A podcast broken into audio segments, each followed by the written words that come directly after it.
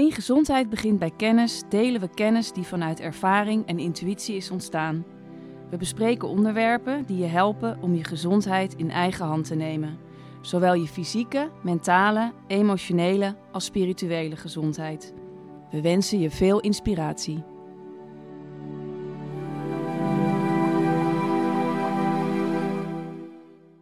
Ik ben vandaag in gesprek met Lotte, of Charlotte Ann is jouw volledige naam. En ehm, ik heb jou vandaag uitgenodigd, uh, niet alleen omdat je ortomoleculair therapeut bent, want dat ben je. En dat vind ik eigenlijk al best bijzonder voor iemand van 24. In ieder geval vanuit mijn eigen perspectief. Daar was ik echt nog niet aan toe toen ik uh, 24 was. Maar vooral ook omdat je ervaringsdeskundige bent uh, en um, dat hebt omgezet in wat je nu doet. Dus um, ja, je hebt op een gegeven moment psoriasis gekregen. Ja. En bent daar echt een reis mee aangegaan. En ja, dat heeft jou echt op het pad gezet waar je nu op zit.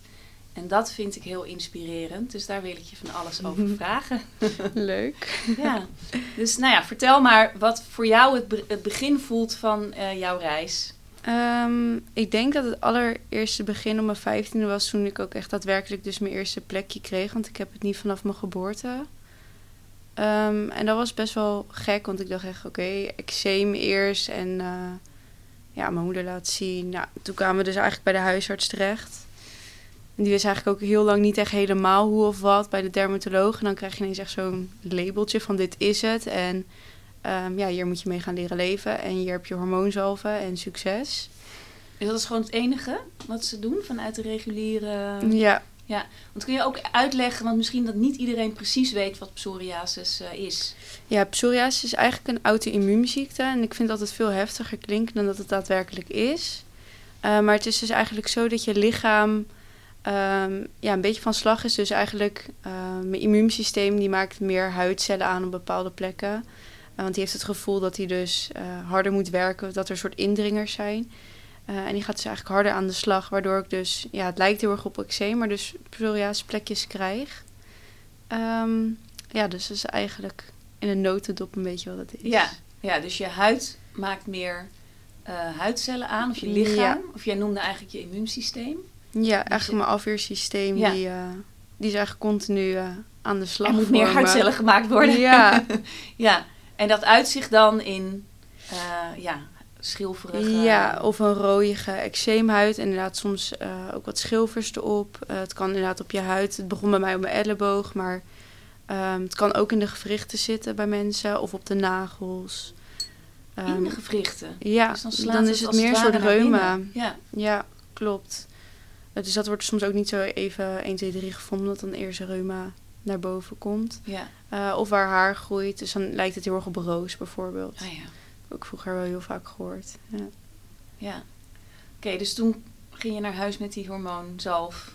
Ja, dat is ook geprobeerd, want ja. ik was 15 en ik vond het verschrikkelijk. Um, ja, en toen kwam het bij mij ook in mijn haar. En toen kreeg ik van die ja, shampoos mee van de huisarts. En daar viel mijn haar heel erg van uit.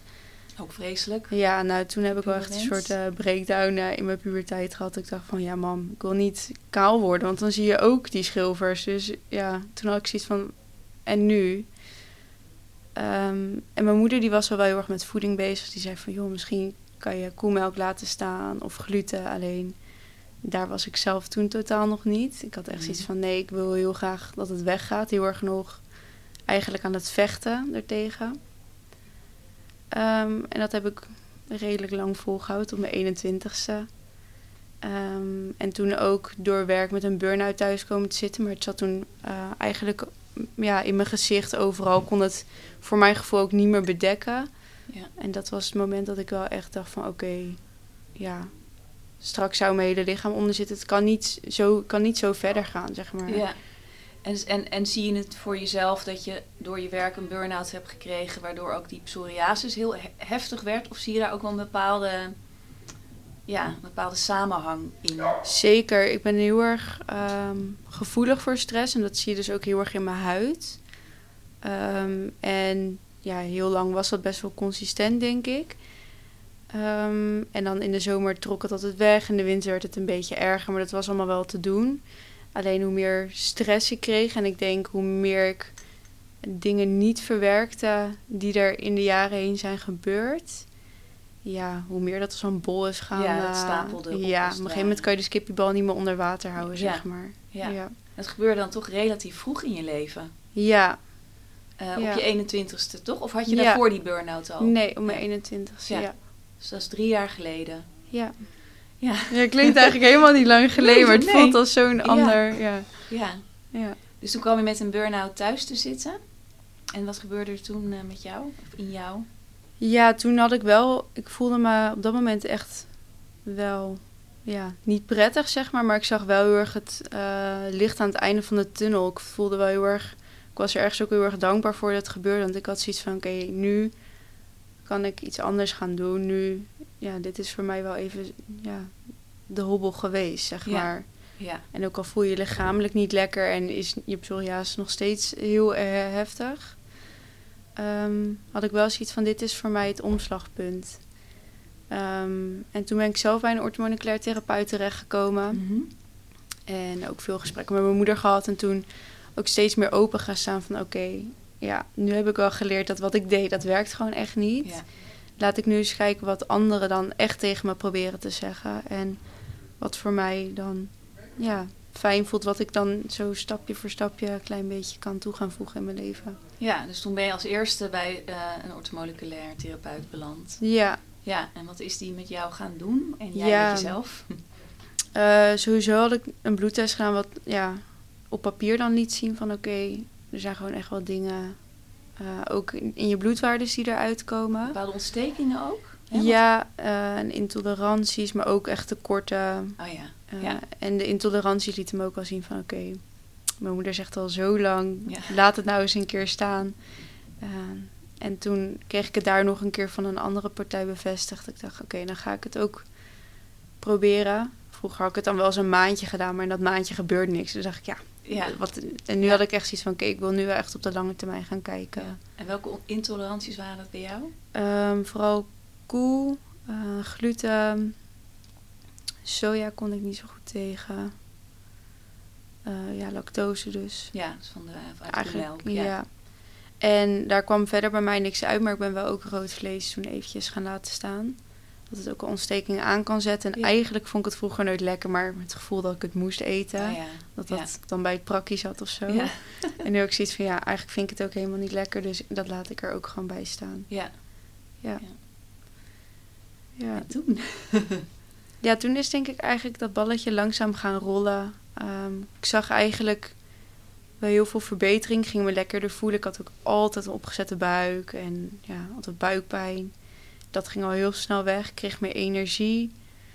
Eh, dus dat waren allemaal hele leuke dingen waarvan ik dacht van oké, dat is al mogelijk met het kleine beetje wat ik nu aan het doen ben. Dus dat maakt het ook heel leuk om steeds meer ehm, dingen nog meer te laten staan en nog gezonder ehm, te gaan eten. Want ja, op mijn 21ste dronk ik toch nog wel ieder weekend. eh had ik ook wel graag M&M's pizza Ja. en dat soort dingen. Ehm, dus dat ben ik eigenlijk steeds meer gaan laten staan. En dus ook steeds meer ja, daar in mijn omgeving ook gaan aanpassen. Ehm korfballen nog wel. En dan was het ja, na het weekend of na een wedstrijd toch wel gelijk bier open en patat eten. En toen begon het eigenlijk met dat ik dat, dat soort gelegenheden ook gewoon lekker mijn eigen eten mee ging nemen. Ehm, ja, gewoon echt meer voeding ehm, tot me ging nemen die echt bij mij paste. En ja, ongeacht waar ik was of met wie ik was. ja. Wat anderen ervan vonden.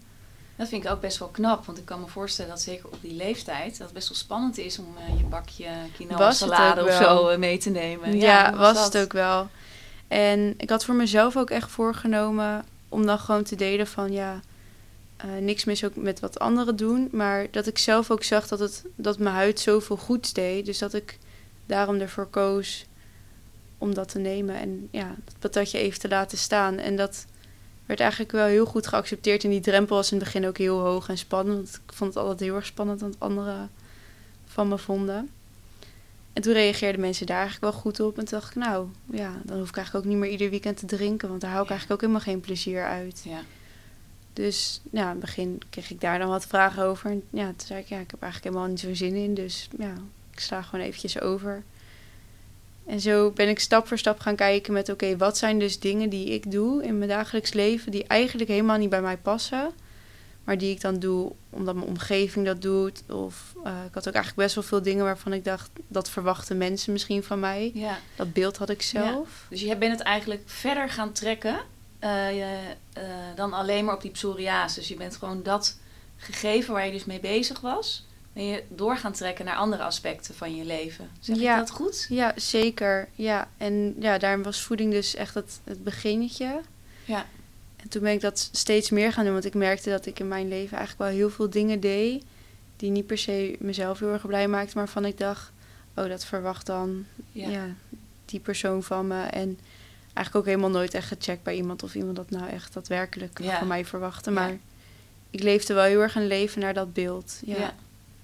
En hoe ging het ondertussen met je, met je, met je werk? Had je daar al eh, iets mee gedaan? Ehm, ja, ik ben sowieso eerst echt even thuis. Heb ook echt even de tijd genomen om zelf gewoon lichamelijk weer aan te sterken. Omdat ik echt heel erg moe was en lichamelijk mijn lichaam ook echt even niet meer kon.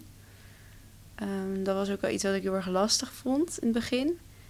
Ja. Eh, maar ook daarin merkte ik dus weer wat het deed om die keus te maken. En dus eigenlijk over die drempel heen te stappen.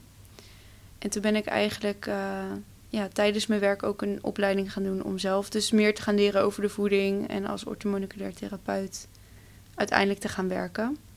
En toen steeds meer gaan afbouwen. Dus minder werken, mijn praktijk openen. Ehm, eerst begon het met voedingsadviezen ehm, voor mijn moeder de bedrijf te geven. Die geeft ceremonies waarin je dus drie dagen van tevoren wat in je voeding aanpast. Dus dat vond ik wel een ja, fijne stap om mee te beginnen. Ja, ja. En eh, ja, toen hier en daar is een klantje en zo is dat ook gaan rollen dat ik gewoon maar mijn praktijk ben gaan openen. En gewoon ook daar weer door die weerstand even heen ben gegaan. Ja. Ja. Mooi. Dus dat is een beetje tegelijkertijd langzaam allemaal eh, Ja. begonnen. Ja. Ja. dus echt terwijl je in dat bewustwordingsproces zat, ja, had dat ook meteen, meteen zijn weerslag op nou ja, wat je ging doen met je leven. Dus je kon het meteen soort van toepassen. Ja, en ik zag ook gelijk eigenlijk, doordat ik die ruimte toen thuis had en even echt thuis was, zag ik op zoveel vlakken dat ik echt zoiets had van, oh, ik doe echt op zoveel gebieden eh, echt totaal niet wat bij mij past. Ja. Ehm, of waar ik nou echt gelukkig van word. Omdat ik eigenlijk ook er één niet bij stil zat of altijd maar zo naar het beeld van een ander me beweeg. En ja, doordat ik dat ook zag, ik ben zelf ook wel heel leergierig aangelegd, wilde ik ook wel gelijk overal ja, waar ik dan wat kon doen mee aan de slag.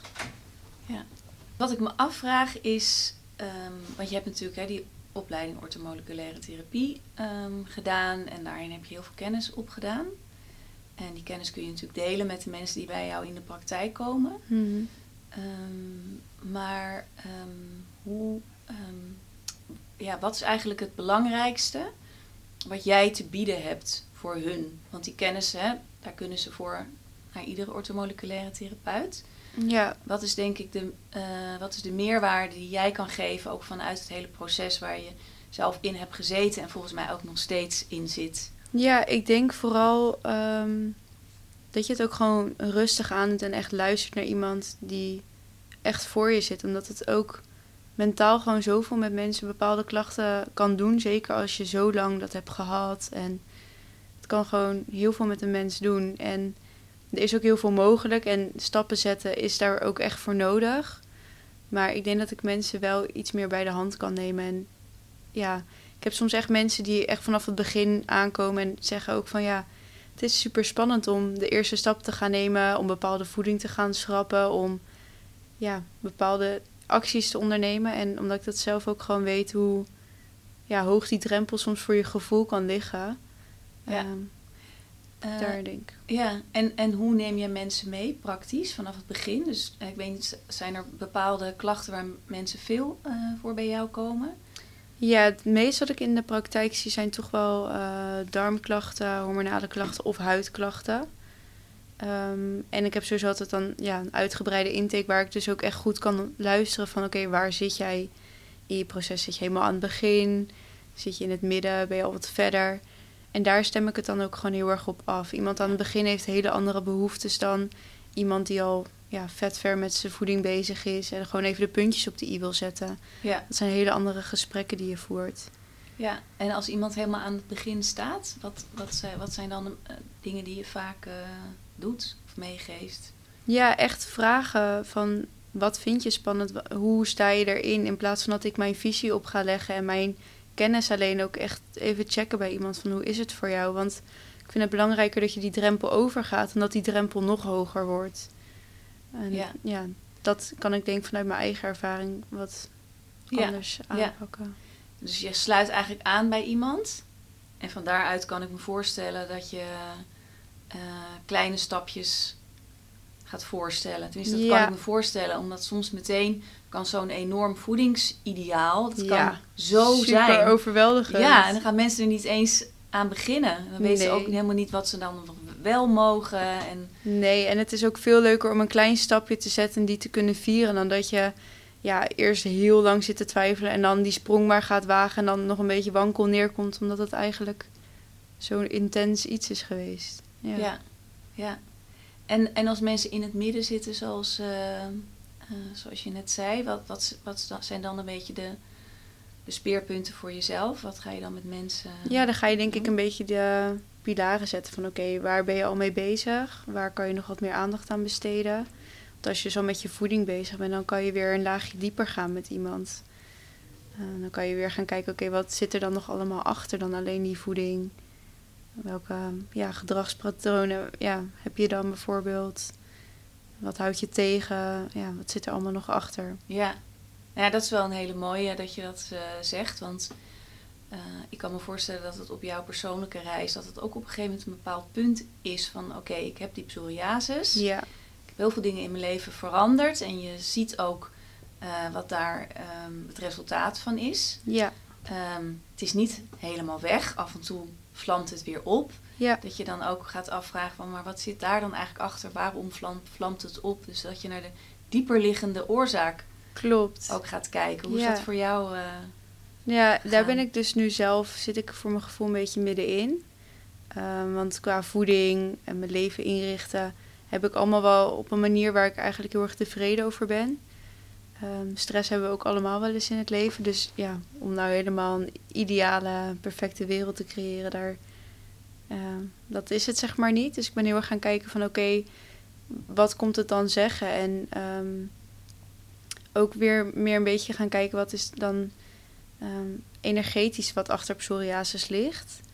Omdat het ook gewoon wel heel veel ehm, bepaalde gedragspatronen, hoe je naar jezelf kijkt. Psoriasis zit vooral heel erg angst achter. En ik heb dat anderhalf jaar geleden dus ook wel eens gelezen. En ik snap de woorden echt wel die ik las, maar ja, er gebeurde, er werd geen linkje gelegd zeg maar in het hoofd ja, of het, in mijn het gevoel. klikte nog niet. Nee. Nee. En eh, eigenlijk eh, nu dan weer mee aan de slag gegaan. Kwam recent dan weer op mijn pad, dus toen weer gaan lezen. Ja, en toen kwam die link zo erg bij hoe ik bepaalde dingen in het leven doe. Ehm, dus heel erg gaan kijken, oké, hoe kan ik dit nu gaan ombuigen? En nu ben ik aan het ervaren van, oké, ik ben nu die stappen aan het maken. En ja, over een tijdje kan ik dan gaan kijken wat de vruchten daar weer van zijn op mijn huid. Ja, dus je gaat elke keer eigenlijk een stapje dieper. eh, Ja, ja. Zeker. Ja, dus als je het zo bekijkt, heeft psoriasis je eigenlijk ook heel veel gebracht. Ja, zo voelde het ook eigenlijk vanaf mijn burn-out al. Ja, Dat ik echt dacht, oké, eigenlijk is het misschien wel een van mijn grootste cadeaus. Ook al voelde ik me op dat moment echt nog eh, niet zo. Maar ik dacht, ja, nu kan ik er dus echt mee gaan doen en kan ik mezelf echt gaan ontwikkelen en daarbij dus dichter bij mezelf komen. En meer een leven leven vanuit mij in plaats van dat ik doorga wat ik eigenlijk tot en met mijn 21ste dan maar heb gedaan. ja, ja. Ja, En kan je je ook voorstellen, want ik denk dan over na, dat eigenlijk iedereen in zijn leven eh, met zoiets te maken krijgt. Dus of het nou hè, een, een lichamelijke aandoening is of misschien meer iets van, van binnenuit. ja, Ehm, ja, wat mensen dan ervaren als iets heel moeilijks of iets heel verdrietigs. Hè. Soms kan het ook betekenen dat je misschien mensen verliest in het leven. ja, Ehm, en, dat, de- en de dingen die ons overkomen zijn natuurlijk ook altijd op een bepaald niveau... Ja, gewoon heel vervelend, verdrietig, naar, moeilijk. Mm, Maar dat altijd die mogelijkheid daar is om het juist te gebruiken Ja. Om ervan te groeien en het juist je ook heel erg op je pad zet of zo. Ja, ja daar sta ik ook ehm, heel erg achter. Ik zie ook echt heel erg... En iedereen heeft natuurlijk zo zijn eigen dingen. En voor mij, zo zie ik het, is het dan psoriasis... wat mij dan continu alert houdt en ja, mij laat ontwikkelen. Ja.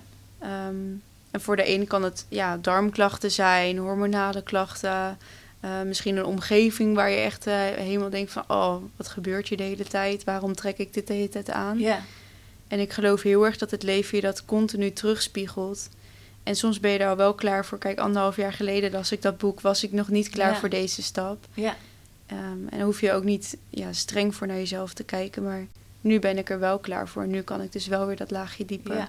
Ja. en ergens is toen wel het zaadje geplant. Ja, klopt. Ja, en vaak heb je ook Mag even kiemen, een zeg paar maar. keer nodig voordat je dan in één keer denkt van hé, hey, nu. Ja. Ja, mooi. Want in wat voor boek heb je dat gelezen? ja, je hebt de sleutel eh, tot zelfbevrijding. En ik ben nu ook het boek eh, Louise Hay, Je kunt je leven helen. Eh, ik vind de, wat het overkoepelend komt zeggen best wel hetzelfde. Alleen de ene is wat uitgebreider dan de ander. Ja. Ja, Ja. de sleutel tot zelfbevrijding heb ik ook inderdaad een enorme dikke pil. Ja, klopt. Ja. Ja. ja. het is echt heel erg mooi. En ik weet niet alles precies uit mijn hoofd. Maar bij psoriasis komt het wel vooral ehm, op, erop neer dat je angstig bent of dingen niet wil voelen. En je op een bepaalde manier ergens toch afsluit. Daardoor ook niet helemaal in het hier en nu bent. Niet helemaal ja, echt kan genieten van wat er allemaal, ook het mooie om je heen. En dat is dan ook wel iets dat, wat nu echt voor mij viel. Dat ik dacht, oh ja, ik kan dat nu wel op heel veel plekken, dat verhaaltje neerleggen. Ja. Dus ook gaan kijken als het gebeurt van oké, hoe kan ik, ja, welke stapjes kan ik gaan zetten om Ja. dat om te buigen. ja, dan wordt het ook echt een soort richtingaanwijzer. Ja. Voor, van hé, hey, er is iets in mezelf. Dat iets gaat er eh, Ja, misschien niet helemaal goed. Of ik mag iets weer ergens naar gaan kijken. ja, en als je dan even die uitzoommomentjes hebt, dan zie je ook echt van oh ja, dit is nu dan de realiteit hoe het is. En dat betekent niet dat dat het iets is waar je hele leven maar dan wat je maar moet accepteren. Maar het is eigenlijk een hele mooie spiegel van oké, ben ik er tevreden mee? Of ja, is het eigenlijk niet helemaal wat bij me past of waar ik me lekker bij voel? En dan mag je dus ja, dingetjes gaan wegschrapen en gaan toevoegen waar je wel weer energie en blij van wordt. Ja, ja. Kan je dit, eh, want ik kan me voorstellen dat je hier wel met sommige eh, cliënten in je praktijk ook over praat. Ja. Zeker als je wat verder eh, bent. Ja, En hoe zit dat met je eigen omgeving? Dus met je vriendinnen en, en die je al langer hebt? En- Ja, heel lang dus niet gehad. En dat is eigenlijk ook wel een beetje recent het afgelopen jaar waar ik ook wel bewust mee bezig ben. Heel lang dus gekorfbad. En het zijn allemaal echt ja, hele lieve mensen, maar missen dan toch een bepaald stukje mezelf kunnen zijn en ook dit helemaal kunnen laten zien.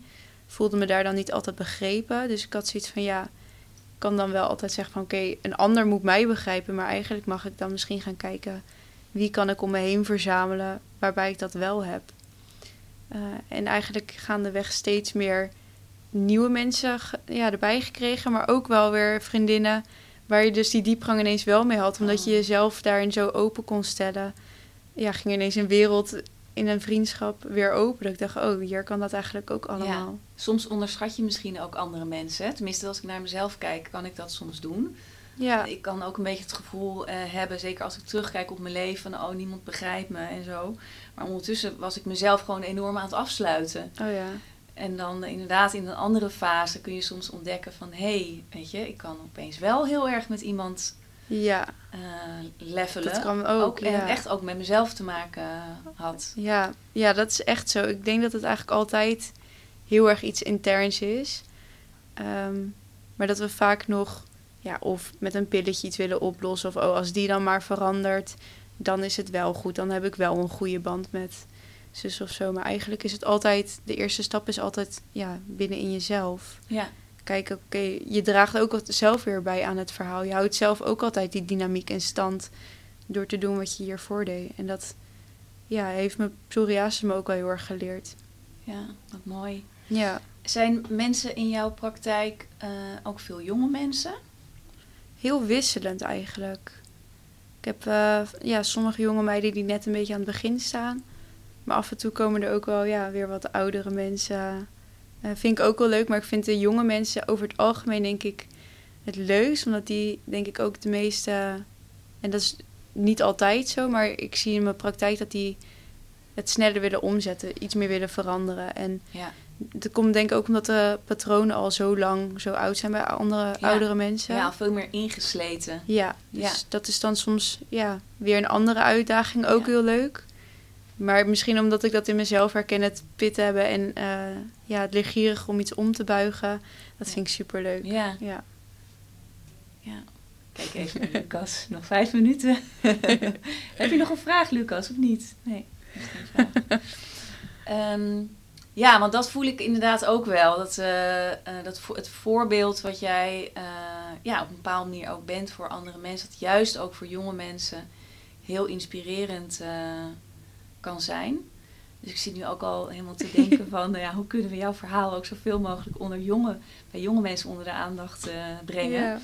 Wat, wat, wat, wat zijn voor jou de, ja, de gouden tips? Dus als je op jonge leeftijd eh, ja, met een chronische aandoening, hè, tussen haakjes, of chronische klachten te maken hebt, eh, ja, wat zou je aanraden? Ja, ik denk sta open, heb een open blik voor ook alle andere mogelijkheden. We zijn zo gewend om in bepaalde hokjes te denken. Als je ook bij de huisarts komt, voor sommige dingen is de huisarts natuurlijk echt heel erg fijn. Maar sta ook gewoon open voor wat het nog meer kan brengen en bieden. En ja, durf misschien ook zelf bij jezelf naar binnen te kijken. Wat kan ik veranderen aan de situatie? Wat soms heel moeilijk is. Ja, want wat had je dat ook al, al vanaf, het begin, vanaf het begin? Dat je zeg maar die beweging naar binnen kon maken? Vond ik heel moeilijk, omdat ik ehm, denk ik ook vooral het voelen, dat heeft voor mij, ja, vond ik heel erg lastig. Dus ik heb heel lang soort alles afgeschermd, echt soort die muur ehm, opgebouwd. Dus ik deed niet dat ik het gelijk kon, maar ik stond wel open om die muur dus af te gaan breken en het Ja. steeds meer ja, het toe te gaan laten en dat ook ja, te gaan proberen. Ja. Voor mij was, ja, misschien is, staat iemand anders op een ander punt daarin. Dus ik moest daarin van wat verder kopen, maar wel echt een open blik ervoor hebben en het, ja, het durven onder ogen te Ja. komen.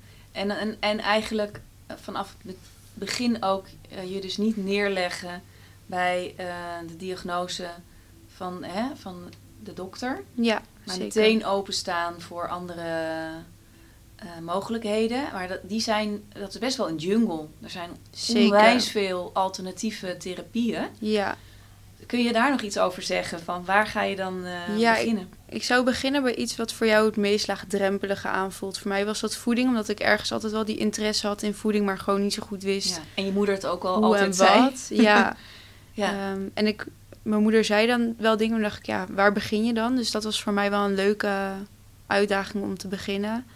Is dat voor jou iets heel anders in het alternatieve begin dan daar, maar begin iets wat lekker laagdrempelig is. ja. Ja, Ja. wat bij jou goed voelt. En ook vooral niet wat een ander vindt. Zoek echt iets wat bij jijzelf past. Waarvan je zelf ja, een kriebeltje krijgt. Nou, dat vind ik een heel mooi eh, afsluitend eh, advies. Ja. Ja, is er verder nog iets wat je van het hart eh, wil? Nee, ja, ik vond het een heel leuk gesprek. En ook leuk om de andere kant zo eens te delen. Ja, Ja, heel dankjewel. Ja, ik voel dat je ja, heel mooie inspiratie eh, kan zijn voor heel veel mensen. Dus eh, heel erg bedankt dat je dit hebt willen delen bij ons. dankjewel. En ik sluit dus altijd af met een knuffel. Misschien, Oh, ja. misschien wist je het al, maar... ja.